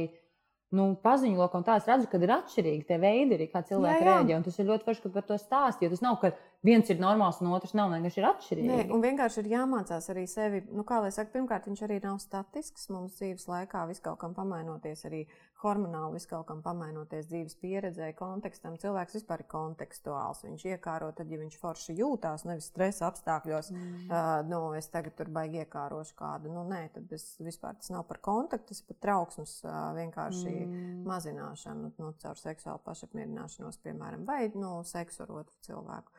Bet mācīt arī sevi pārslēgt no viena uz otru, pieņemt, nu, kā, piemēram, ar šo pasīvāko seksuālo reakciju, ir ļoti svarīgi mācīt sevi pieslēgt, apzināti, ka es izvēlos sagribēt. Jo tas vispār tā Tas ir. maina absolūti Bet tā visu. arī ir. Tāpēc, es tieši kaut kad skatījos te talku par šo par seksualitāti. Un viņi tieši tas ir tā kā uz ballīti. Tev uzaicina uz ballīti. Jā. Pie, tā kā ceturtdien to pazina, ka sestdien būs ballīti. Tad jā, es būšu. Un sestdienas vakarā tur, ah, nu es negribu vienu, labi, bet viss, kas tev ir jāizdara, tev vienkārši jāierodas ballītē. Nu. Līdzīgi ir ar gultu. Viss, kas tev ir jāizdara, tev vienkārši jāierodas uz ballīti. Tev jā, jāpieņem lēmums. Es tagad esmu tajā gultā, un es ļaujos, ka varbūt kaut kas notiek. Ja, un, tas ir par, un tas arī ir par lēmumu. Bet, kad ir, ir arī tie vakari, kad tas lēmums ir, nē, šodien nē, jā, nē, nē, tā vajag guļam. Īpaši man liekas, kad ir bērni, es nezinu, varbūt kā citiem, bet nav jau tā laika tik daudz. Ir tā kā mūtenīca, tā kā viņi guļ. Divi varianti, kad var mīlēties. Un, tā kā visu, un tā kā tu jau uzreiz pieņem lēmumu, vai arī tā kā uzliek mūtenīca, jā, uzliek mūtenīca. Kā, kad tu pieņem, tas ir tā kā, tas nav tur, o, milzu flirts. Protams, viņi var pastiept tur uz dienu un divām, zinu, ko brīvdienas Es tuvojas. varbūt iestarpināšu, jo flirts teorētiski viņš var būt arī bērnu klātbūtnē. un Es Protams, teiktu, jā. viņam ir ārkārtīgi nozīmīgi tur būt, jo tā bērni mācās Es seksuālo komunikāciju. domāju. Bet es tā arī domāju. Jā. Tā kā tu pateici. Es tā nepateicu, es tā pateicu. Nē, jo, jo saku, jo tas flirts tur, viņš var būt divas, trīs dienas, un nekas nenotiek. Un tu tā kā zini, vai tur iečuks tausī, vai tur kaut ko, vai tur kaut, ies, tad, nu, kaut kādas mazas lietas. Un kad tu zini, ka es esmu atvērta, ja kas. Un viņš, es zinu, ka tu esi atvērts arī, nu, tā kā, kad šitādi mēs nododam mazus mesiņus, tieši tā, ka pienāk tā sestdiena, tad mēs zinām, ka mums ir arī laiks tam. Mm. Vienkārši tas veido mums tādu normālu fonu. Mums viens no tiem raidījuma aspektiem būs konteksts, kas ir mums ļoti bieži ir tā sajūta, ka tas seks tiešām, nu, ja runā jau par seksu, viņš ir neiederīgs dzīvē. Bet viņš ir neiederīgs, tāpēc, ka nav konteksta, kas viņu uztur un rada sajūtu, ka viņš ir iederīgs būtībā jebkurā mirklī, jo seks nav dzimuma akts. Un tiklīdz mums ir šīs auzas, ka dzimumakts ir vienīgā seksuālā miedarbības forma vai izpausmes forma, nu, tad, protams, viņš ir ļoti bieži neiespējams. Nu, tīpaši, ja tā ir ģimenes dzīve ar nu, strādājošiem vecākiem, kuri nogurst gan no sociālās dzīves, gan no tās bērna prūpes. Nu, tad sanāk, nu, kā viņš tur arī ir, kad viss, kas atliek, ir vilkt tos krustiņus, tur taisa ienāk, kad hu, vismaz kas tur bija kaut kāda minimālā statistika par tām divām slavenajām reizēm. Neatceros, Mēnesī? kur, jā. Un, bet vispār ir, ir interesanti par to dzimumu aktu, kur sākās tas, tās briesmīgās auzas un skumjas un sēras, kā ar katru kopā nodzīvoto gadu dzimumu aktu skaits krītās attiecībās par 6%. Tas ir nenormāli daudz. Nu, ja tā ņem, salīdzinot ar visām citām darbībām, tad nu, pēc desmit gadiem mums principā 60%. Bet tas ir tāpēc, ka, nav. kā teica arī, tad, ka seks nav prioritizēts tajā mirklī. Ja tu uzliec par prioritāti mm -hmm. brīvdienās seks, pēc mēs nu, tikko bijām arī vienā pasākumā, nu, tie apkārtējie pat zināja, kas mums ir par prioritāti. Bērni bija pie laukiem un mums bija telts. Tā kā viss bija skaidrs, vai tur tas notika vai nē. To neviens nezina. Neviens, kā, bet visiem bija tā, kā, ha, ha, ha, ko tad jūs tad mēs tam darām? Bet tā kā galvā, protams, bija tāds, bet nu, tur arī bija aizēgot, tur nekas nenotiek. Bet varbūt pēc tam arī kaut notiek, bet par to lai paliek uh, klusums. Jā. Jā. Bet tā kā tajā mirklī, nu, kad, nu, jā, bet man ļoti patīk, ka tas tiek prioritizēts. Un arī tajā mirklī, kad tas notiek, ir jau dažreiz ļoti grūti ļauties. Tu vienkārši notiek galvā, vai vienkārši negribas, vai tu neesi tur. Un mums ir tāda ļoti forša spēle ar vīru. Pats ceru, ka viņš nesmēķis, kas to stāsta. Mēs sakām par procentiem, o man jau 15%, o man jau 25%. Mm. Tā kā mēs tā kā zinām, arī kurā punktā mēs esam, man ir mīnus 5. Mm. Bet man šodien ir mīnus 5, nebūs vienkārši. Mm. Tā kā uzreiz, nu, es nezinu, vai tas tā kā ir. Bet tā, tu, tu jau zini, kad ir 7,5, tad tu vairs nesaki. Jā, tā kā tu esi gata, gatavība kā, to darīt, ir tie procenti. Un viņi arī ir tāda forša spēle. Vai tu zini, ka tu divu minūšu laikā esi dabūjis no 0 uz 25, to otru, un tad arī ir tā forši. Un kas ir labais, ko es, piemēram, arī no tādas savas pieredzes varu teikt, tad, kad mums uh, dzima bērni, un viņi dzima ļoti tuvu viens otram, kad uh, mēs reāli, man liekas, izvilkām to seksuālo dzīvi tikai uz to, ka mēs daudz par to seksu runājām. Jo kamēr tu par viņu runā, tu jau pamazām tajā mūdā, un tad jau tu vari arī kaut ko izdarīt. Bet no sākuma ir tas komas stāvoklis, nu, kad arī tā parunāšana sākumā, bet nu, viņa tā kā atslābina. Jo ļoti bieži mēs nenovērtējam to, ka būtībā seksuālā miedarbība viņa enerģiju ceļ, nevis viņa enerģiju mazina. Abi normāli. Jā. Jo pirms kaut kāda pandēmijas sākumā mēs saskatījāmies to, mēs abi sapratām, pēc tam, ko mēs to tā kā diezgan bieži darām, tu slēgies mājās. Kā ak, Dievs, mēs vienkārši saprotam, ka tas ir super stresa mazinātājs. Mm. Nu, mums kā, bija tāds stress abiem diviem par to sākumu, kas notiks, kas būs, ka mēs kaut kādā ziņā par to izmantojām. Lai, kā, mm. nu, es pilnīgi noteikti to izmantoju kā reliks. Tā kā, bet tādu, tu saki, enerģijas ieguvēju, bet tādu patīkamās enerģijas vienkārši ieguvēju, tu vienkārši atslābinies. Un tā, Un tas ir ļoti interesanti, kā mēs neapzināti, un pēc tam jau apzināti sapratām, ka tas tā strādā. Bet es tiešām ceru, ka mans vīrs nedusmosies, ka es tik atvērts. Tur... Jo ne, jau vienkārši man ir kaut kādas robežas, kur es varu runāt pati par sevi, uh -huh. bet mums ir kaut kāda vienošanās, ka mēs nerunājam par mūsu kopīgiem lietām. Tāpēc es ceru, ka es neesmu pārkāpis šiem ir robežas, jo ir kaut kādas robežas tomēr. Jā, jo agrāk es runāju par savu seksuālo visur, visur veidos, bet es laikam kaut ko cienu par šīs manas partnerattiecības, kas ir un ļoti detalizēti. Es jau tāpat esmu daudz ko pastāstījis. Ne, man liekas, ka šis ir arī ļoti nozīmīgs jautājums, tur, kur tas ir eh, skar arī mūsu tādu seksuālo inteligenci komunikācijā. Kad, jo arī runāšana un stāstīšana par seksu, it īpaši sabiedrībā, kur par to nav pieņemts runāt, tas arī ir veids, kā izcelties. Un, ja es pārāk aizraujos un pazaudēju to atbildību, kas man ir pret citu cilvēku, jau sākot demonstrēt sevi, nu, tas jau būtībā ir liels jautājums, ko es tikko sabijos. Nu, tas jau forši, ka tu viņu čeko un tu viņu jūti. Jo ļoti bieži ir tā, ka tur, kur tas atkal, es redzu, ka visiem šis baigi aizgāja, es tā baigi iesildījos. Nu, tagad es, tagad, es aizmirsu to, ka tur iespējams tas mans partneris sēž un vispār nesaprot, kā no tās situācijas iziet. Un, ja viņš ir korekts, viņš pārsvarā neiesaistīsies un mani nepazemos. Tā tad viņš man neteiks, nu, aizveries. Mm. Nu, viņš tur ļaus man tarkšķēt tālāk un kaut ko tur dalīties atklāti nu, tagad ar kādu, kas būtībā skan. Jo tajā ziņā man liekas, tas ir tik ārkārtīgi būtiski, ka mēs saprotot paši savas traumas, to, tādu kolektīvo traumu, ka tā seksualitāte ir izstumtais aspekts. Mēs esam ļoti ievainojami viņā. Mm. Un mēs nevaram otram iedurt vairāk zem jostas vietas, kā pasakot kaut ko tur. Nu, kā tas mm. bija joks, visi tā smējās.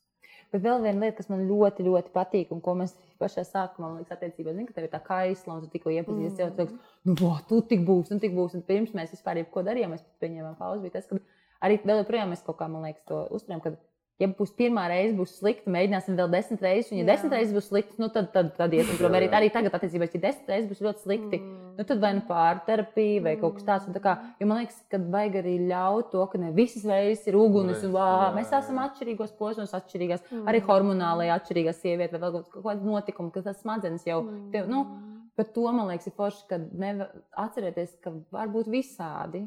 Un pat ja tev liekas, ir bijis tur super, super, super, un šajā reizē tā ne, ne, kā, tas ir ok, un tur arī pasakā, mm -hmm. šodien bija tā dīvaina, jā, šodien bija tā dīvaina. Un tas ir arī tik tā pieņemot, tas ir raudāt, bet tā ziņā, ka tā kā sajūties mirklī, ka pat ja tev tur likās, ka tev tur nesanāk, vai kaut kas bija super awkward, ka tev tas cilvēks tāpat pieņem. Viņš tāpat var samīļot, bet teikt, ejam gulēt, ejam gulēt. nu, tā un tā ir tāda ļoti droša vieta, kur būt. Droša, jo es saku, tā seksuālais mierklis un vispār tas ir ļoti vieta, kur saka, var aizvainot un aizskart, un nu, tāda jutīga.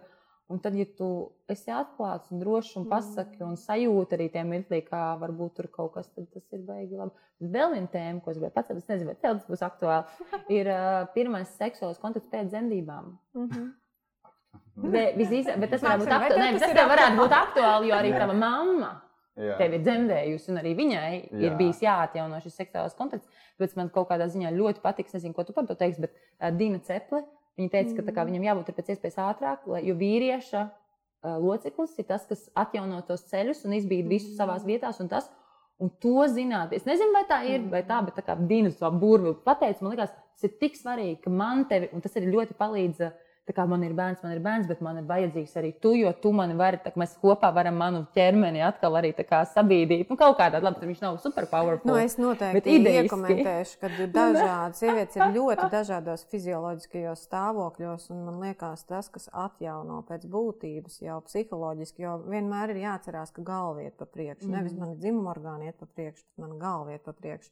Un es varu jebkuru teoriju reāli padarīt pret sevi vardarbīgu, ja man Jā. viņa nav integrēta no ķermenī. Un viena lieta ir zināt, ka tas man var nākt par labu, bet otra lieta, tas būs ļoti pieredzes. Protams, un vispārējo. tas būs arī ļoti atkarīgs, kāds ir piemēram tas partneris un ko viņš ar to savu dzimumu locekli dara. Jo, no, tomēr saprotot, ka Latvija ir valsts, kurā no sievietes ģimenes ietveros joprojām cieši no seksuālas vardarbības Ok. okay. milzīgā procentā, mm -hmm. es uh, tomēr piebildīšu, ka tas ir tāds partnerības jautājums, kad mēs pieņemam to. Ja, to Vispār to lēmumu, jo Jā, Latvijā sievietes joprojām liels procents pakalpo. Okay. Un tad ir jautājums, vai viņai vispār ir saikne ar savu ķermeni, nu, tādā arī mm, veselības aspektā, kā par kaut ko, Tad ko jau ir līdzatkarības jāatjauno. trīs stūra spēlē. Jā, bet mēs, mupurus nu, nav ko attiecības idealizēt. Viņas ir tādas, kādas ir. Un mēs katrs esam attiecībās kaut kāda iemesla dēļ, jo mēs kaut ko tur risinām. Un tas trikī tur ir. Man liekas, ka sieviete ir pašpietiekama. Un Mm. viņa arī savu makstu var pilnīgi mierīgi reanimēt pati. Viņai ir divi pirksti, trīs pirksti vai jebkas. Jo ir atšķirīgi, ka otrs kaut ko dara un ka es pati kaut ko daru. Un Ir tas arī atšķirīgi, ka pirmais- jūs kopā kaut ko darat. Jā, jā, bet un tas kopā no tā, ka viens otru patērē, tas arī tāds reizēm ļoti trausla tā līnija, kurā brīdī es vienkārši gribu tiešām ar tevi kaut ko kopā darīt. Un tas ir tas foršais, kur tas, ko tu minēji, kad mums nav nozīmīgs iznākums. Jo kopā ir svarīgāks, svarīgāks par iznākumu. Man varbūt pat nebūs uzbudinājums, vai nebūs tās orgasmiskās reakcijas, vai vispār kāda starpība tam visam ir. Bet mēs kaut ko darām kopā, tā ir praksa, ar kuru mēs nodarbojamies kopā. Vai es gribu patiešām seksuālu baudu, seksuālu apmierinājumu? Un tad savukārt ir ļoti būtiski, kad es tam otram jautāju, cik tev tas dara vai kā tev tas dara, jo tu man neko nes parādā. Nē, Nu, un-. Un tur ir, man liekas, tāda trausla robeža. Jo... Nu Jā, es laikam teicu, ka šīs, šīs tā lieta, kur vispār runājot par to dzemdību pieredzi, tas, kas man liekas arī saistīts ar ļoti seksualitāti. Vispār to Jā. man ir grūti spriest, jo, paldies Dievam, mm. es esmu Mhm. piedzīvojis ļoti maigas dzemdības, mm abas Mhm. divas. Pēc tam posms ar bērniem bija sarežģīts, visa tā bērnu kopšana. Tad to, jā, es no šīs puses saku no tā, kas runāja sieviete, kas ir piedzīvojusi maigas dzemdības. un Man ir ļoti pat grūti iztēloties, ko piedzīvo sievietes un kā viņām pēc tam atjaunojas seksualitāte, kad tas ir bijis pilnīgi citādāk. Un liela daļa mūsu māmu ir piedzīvojuši vienkārši izvarošanu dzemdību laikā. jā, jā. Tad to jau mēs arī, nu, tā kā arī mēs jau tur bijām iekšā. Mēs jau jutām, un tā Mm. manā galvā tā vispār ir milzīga tēma. Mm. Arī Mm. paša piedzimšana. un Tas ir saistīts paša piedzimšanas pieredze arī ar seksualitāti, atvērtību un vispār. Nu, zini, kā tās ir tādas. Um, es domāju, ka kā, tas ir mums katram ir individuāli jāsaprot, kam mēs ticam. Es viennozīmīgi ticu, ka jebkas, tiklīdz es vispār esmu sākusi šūnas līmenī veidoties, tā jau ir mana pieredze. Līdz ar to, protams, viss gan grūtniecības laiks, gan dzemdību laiks ir arī mana pieredze, kur arī man ietekmē. Un cilvēks ir seksuāls jau veidojoties. Nu, tas ir ļoti agrīns grūtniecības periods, kad sāk veidoties dzimuma orgāni. Nu, līdz ar to, ja veidojas dzimuma orgāni un, un bērns. Uh, uzbudinās jau esot mammai ķermenī. Tas nozīmē, ka arī mūsu saikne ar uzbudinājumu jau veidojās pirms mēs vispār šajā pasaulē esam nonākuši. Nu, tad kāpēc mēs uzskatītu, ka dzemdību pieredze ir kaut kas, kas nav mm. mūsu ietekmējis? Protams, ka viņi ir mūsu ietekmējuši, un es domāju, mēs ļoti daudz, kur ir tīpaši tiem, kam ir bērni, redzam. Nu, kā mēs varam redzēt, cik dzemdības ir bijušas vairāk harmoniskas un, un nu, kā tiešām patīkams process, un kur viņas ir bijušas kaut kādā veidā um, traumatizējušas gan māmu pašu, nu, gan fiziski, mm. gan psiholoģiski, gan līdz ar to arī bērnu, kurš ir turklāt vēl ārkārtīgi saistīts gan ar to, kas ar viņu notiek mm. fiziski, gan ar to, kas ar viņu notiek psiholoģiski. Tā kā, protams, mēs katrs esam uz kaut kādas savas lapas šajā stāstā. Tā, Mara, un uh, lai tiešām vairāk runāt par tevi, lai tev nebūtu aizdomas par to, ka tu pārāk par attiecībām un cipu, robežu pārkāpj. Mēs tev jautājām par dziesmu, kur tev asociējas par, par seksu. Un tu jau trīs reizes pieminēji šo dziesmu. Hot dog, Hot jā, jā, dogs, jā. Par, pārslēdz viņu. Hot dog. Tāpēc, ka Tajā Roland dziesmā ir manas 27 fuck. Mm, šī dziesma, ko es piecēlu vētrā, kā savu mīļāko dziesmu, nevarēšu likt. Jo tad ir pī, pī, pī, pī, es pī, and pī, and pī, pī, and pī, pī, pī, pī, pī. Listen up, listen up. Viss ir slikti. Karaoke vienmēr Viņam ir ļoti daudz faktu, bet viņi ir ļoti līriski. Dažos mirkļos viņi pārējā tādā seksīgā, hey, this song, everybody knows this song. Viņi arī tādi seksīgi drusku. Ir, jā. Tu zināt, tu gribi vēl kaut ko paprasīt tagad, slēdzot? Vai, vai nē, vai viss ir skaidrs? Nu, man, man vienkārši zina, ka Kristina ir ko pateikt. Varbūt Nu, piebilst. saki. Vai tu gribi, lai es pasaku, Nē, nē, tu no sākuma pasaki. Es Jā. pateikšu to, mēs, nu, ko mēs gribam. Nu, kā, um, mums katram ir, ir saprotams, kāpēc mēs piešuvāmies vispār ar to dziesmu. no, tāpēc, ka mums ir katram ļoti e, nozīmīgi saprast, kas vispār ir tas, kas mūs ievada mūdā, aicina domāt, vai kas mūs triggerē, vai nu, kas ir tas mūsu seksuālais konteksts, kuram mēs pavelkamies līdzi. Nu, lai nav tā, ka tas mūsu kaut kāds seksuālais akts ir pēkšņi tāds pleķis, kaut kāds netīrums un dzīves telpā, kur vajag ātri izmēst ārā. Nu, tā kā tas ir vairāk jautājums par to, lai bišķiņi saprastu tavu erotisko kodu, kas tad ir tās kādās kategorijās. Man ir tāds.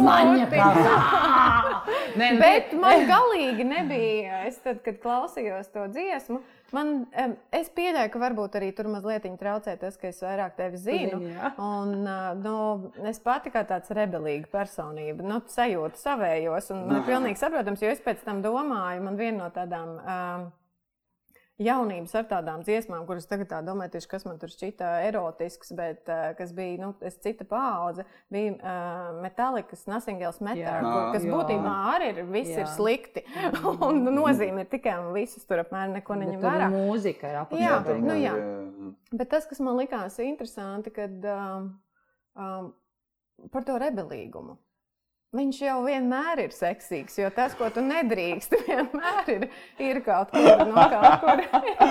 Nu, kā, nē, zini, kas ir? Nē, man, liekas, vis- man liekas, ka ļoti daudz seksualitāte ir arī saistība ar kustību un ķermeni. Līdz ar to šī dziesma, kuras mājās vienkārši dejoju. Un, un tad es dabu, un tas ir tas, ka, piemēram, ja, nu, kā tu dabū kontaktu apakaļ ar savu ķermeni. Vienkārši Tas ir tieši nu, mājās, es viesistabā dejoju ļoti bieži. Mēs ar testu, man meitu, mēs pat esam, es biju contemporary dance workshopā, mēs pat tiešām contemporary Mm. vaļājamies pa zemi, tur kaut kā viņus tur ceļ. Nu, tā, mums ir pašiem savu pasauli un tiešām, un viņi, piemēram, arī bija guļos dīvaini. Un tā, es tieši skatos, viņu, man jālaiž kaut kādā kontemporārā dejošanā, jo tas ir. Un šī dziesma vienkārši parāda, ka brutāli, brutāli, ja tipa brutāli, bet īstenībā tas nemaz nav tik brutāli. Mm. Tur ir līriskās vietas, lala, un visi tipa fuck, fuck, fuck, fuck, seks, seks, seks, seks, seks. Bet, ja tā paskaties, īstenībā tur apakšā ir. Un es, man liekas, arī slīd, nu, tā kā es esmu, esmu liela plaša, bet, tā, kad tas notiek pēc tam darbībai, tas ir pilnīgi citādāk, tas ir citi procesi un tas, bet šis ir veids, kā vienkārši izlādēties. Es teikšu, šī dziesma pirms seksa. Tu vienkārši izlādējies, un tad vienkārši esi. Es esmu gatava. Un tā kā, un tad, eh, tas, ko es teicu par riteņbraukšanu, ka es atbraucu uz šejienu un izbraucu riteni, lai es nu, fizisko, es nokačāju fizisko, lai es varētu atnākties un nebūtu tik intensīva.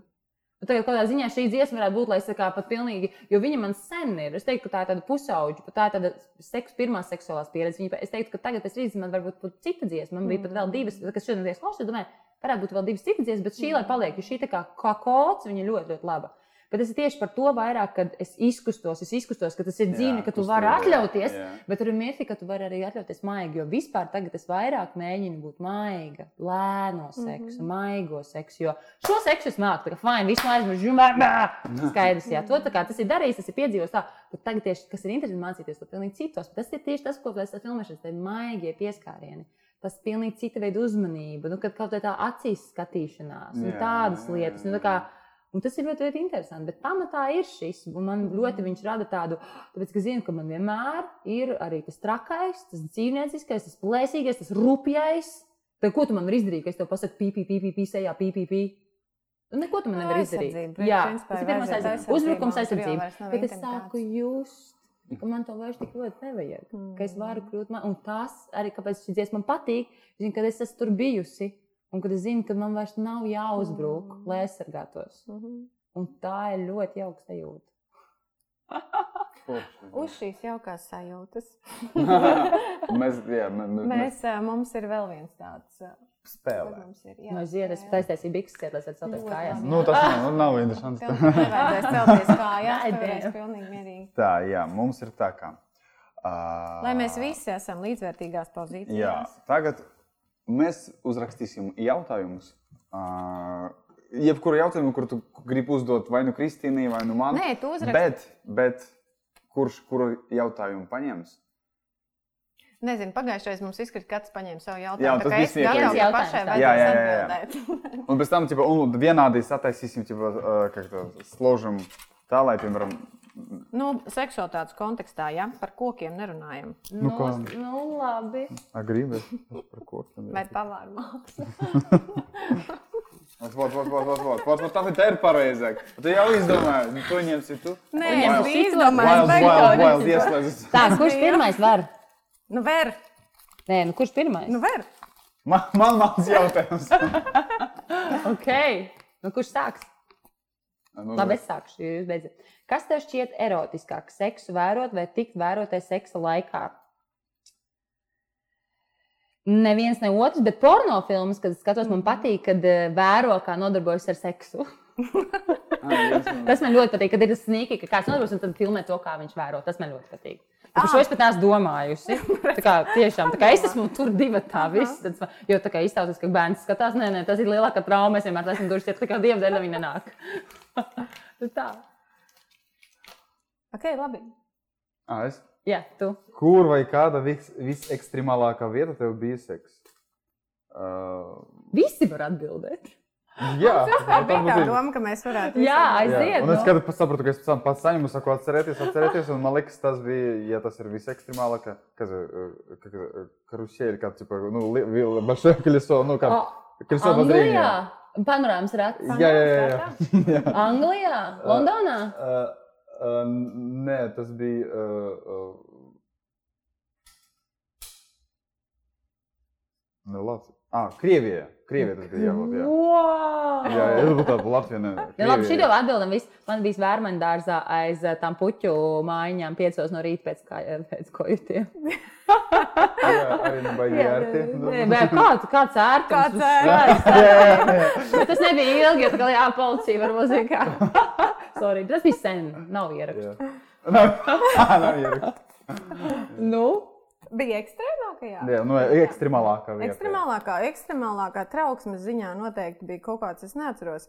Tad, man liekas, depo veikals nebija kaut kāds īska veikals starp matračiem. Kaut kur nu, tā, ka tu visu laiku esi čekingā. Ka O, jā. Tā ir. jā. tu esi droši vien joprojām vēl tā, ka tādā atceros to ekstrēmo Tas, sajūtu. tas ir uzbudinoši. jā. Nu, tas ir, tas ir kaut kādā ziņā, nu, tā, ka tas Jā. ir tas, ka tu nekad nezini, Jā, jā, tas kas beigsies. Cik daudz tam laika, jā. nu. Turklāt pieaugušā vecumā. Es jau varu būt pieaugusi. Jā. Nu, mm. Nu, 16 gados es pieļauju, mums daudz kas ir nu, tā kā vairāk īzī nekā tad, kad mēs jau esam pieaugušāki. Kā mēs atbildam uz kāds bija jautājums? Tikt vērotam vai Ā, jā. Kas tev patīk Ai, vairāk? papli, kas Jā, tā, vairāk. vēlreiz, tad, kas ir vairāk? Jautājums bija, Jā, jā. kas tev šķiet erotiskāk? Seksu vērot vai tikt vērotai, vērotam seksa laikā? Kad tu skaties vai kad Jā. tevi skatās? Nu, jā, kad varbūt, kad es, tad man šķiet, kad es skatos. Nu, arī, bija tikai tāda pieredze, kad, po, kad skaties kā uz porno, kad tur tā notiek. Jā, tas ir kaut kas tāds. jā, jā, jā tā, tā liekas, jā, tā, tā liekas interesanti, jo, jo dzīve kaut kā negāja. Netiek jau tā pie iespējas. Es tev skatīšos, kā tik Jā, jā, jā, un kaut kas tas ir kaut kas speciāls. Tas, bet ne, Nu, nebija. Kristīna. Vajag palaist drau, starp draugiem papli. Un tad kas patīk labāk? Nē, man noteikti labāk patīk uh, vērot nekā tikt vērotāji, tāpēc ka es ļoti aizēju savā pieredzē un es aizmirstu, ka kāds tur skatās. Man, uh, tas vienkārši nestrādā, cik es esmu pamanījis manis. Un šis jautājums, kas tev ir rokā, ir viens no maniem mīļākajiem jautājumiem, jebkuram cilvēkam. Nu, kas Pēc kā I have Ok. daddy Ah, Tas ir issues. tavs jautājums. À, kādas tev ir attiecības ar savu tēvu? Ah, man ir nenormāli seksīgs tēvs, tāpēc es domāju, ka manas attiecības ar tēvu ir savā ziņā um, nu, tādas komplicētas tieši šajā ziņā, ka es viņam daudz ko piedodu tikai tāpēc, ka viņš man reāli patīk kā vīrietis. Mm. Šis ir ļoti labs jautājums. Šis ļoti daudz ko atver vaļā no cilvēka. Man attiecības, man ir tēvs un patēvs. Um, labāk beidzot attiecības. Patēvs man labāk attiecības ir ar tevi. Uh, jā, šeit nezinu, ko pavairāk. Nu jā, ir tā, ka ķipa, kopš no, kopš no maniem četriem gadiem uh, es nebiju ar tēvu vairs, tāpēc, ka nu, mamma viņa vairs nebija kopā. Un man no sešiem gadiem bija patēvs. Un tā un tā ir tuvāk, tāpēc, ka nu, mani vairāk saprāt. Mans tēvs, it, ka viņš pa, pa brīžiem mani bez jēra, tāpēc, ka viņam tas nenopietns raksturs, viņš vienmēr joko, vienmēr joko, un vienmēr joko. Un es jau nesaprotu, kur viņš ir nopietns, kur, nopietns, kur, kur ne. Bet uh, ar viņu man ir labas attiecības. Vienkārši es varbūt, kas ir, varbūt ir slikti, es nevaru viņu uztvert tik nopietni, tāpēc, ka, ja es uztveršu nopietni, tad jau uh, tas vienmēr tāds - pāri hamuha. Tāpēc es nesaprotu, ka tu esi nopietns, kad nē. Mm. Jā, bet tā, nu, ar, ar patēvu arī, jo man ir masa no patēva, nu, mamma kopīga mums ir. Bet uh, tā, tā tā ar viņu ir labas attiecības. Vienkārši nu, mēs esam ļoti dažādi. Bet viens otru pieņemam, es, es viņu saucu tēvs, viņš man ir dēls. Un, tā un tā ir, ir, ir, ir labas. Bet... Man šie stāsti mīļākie.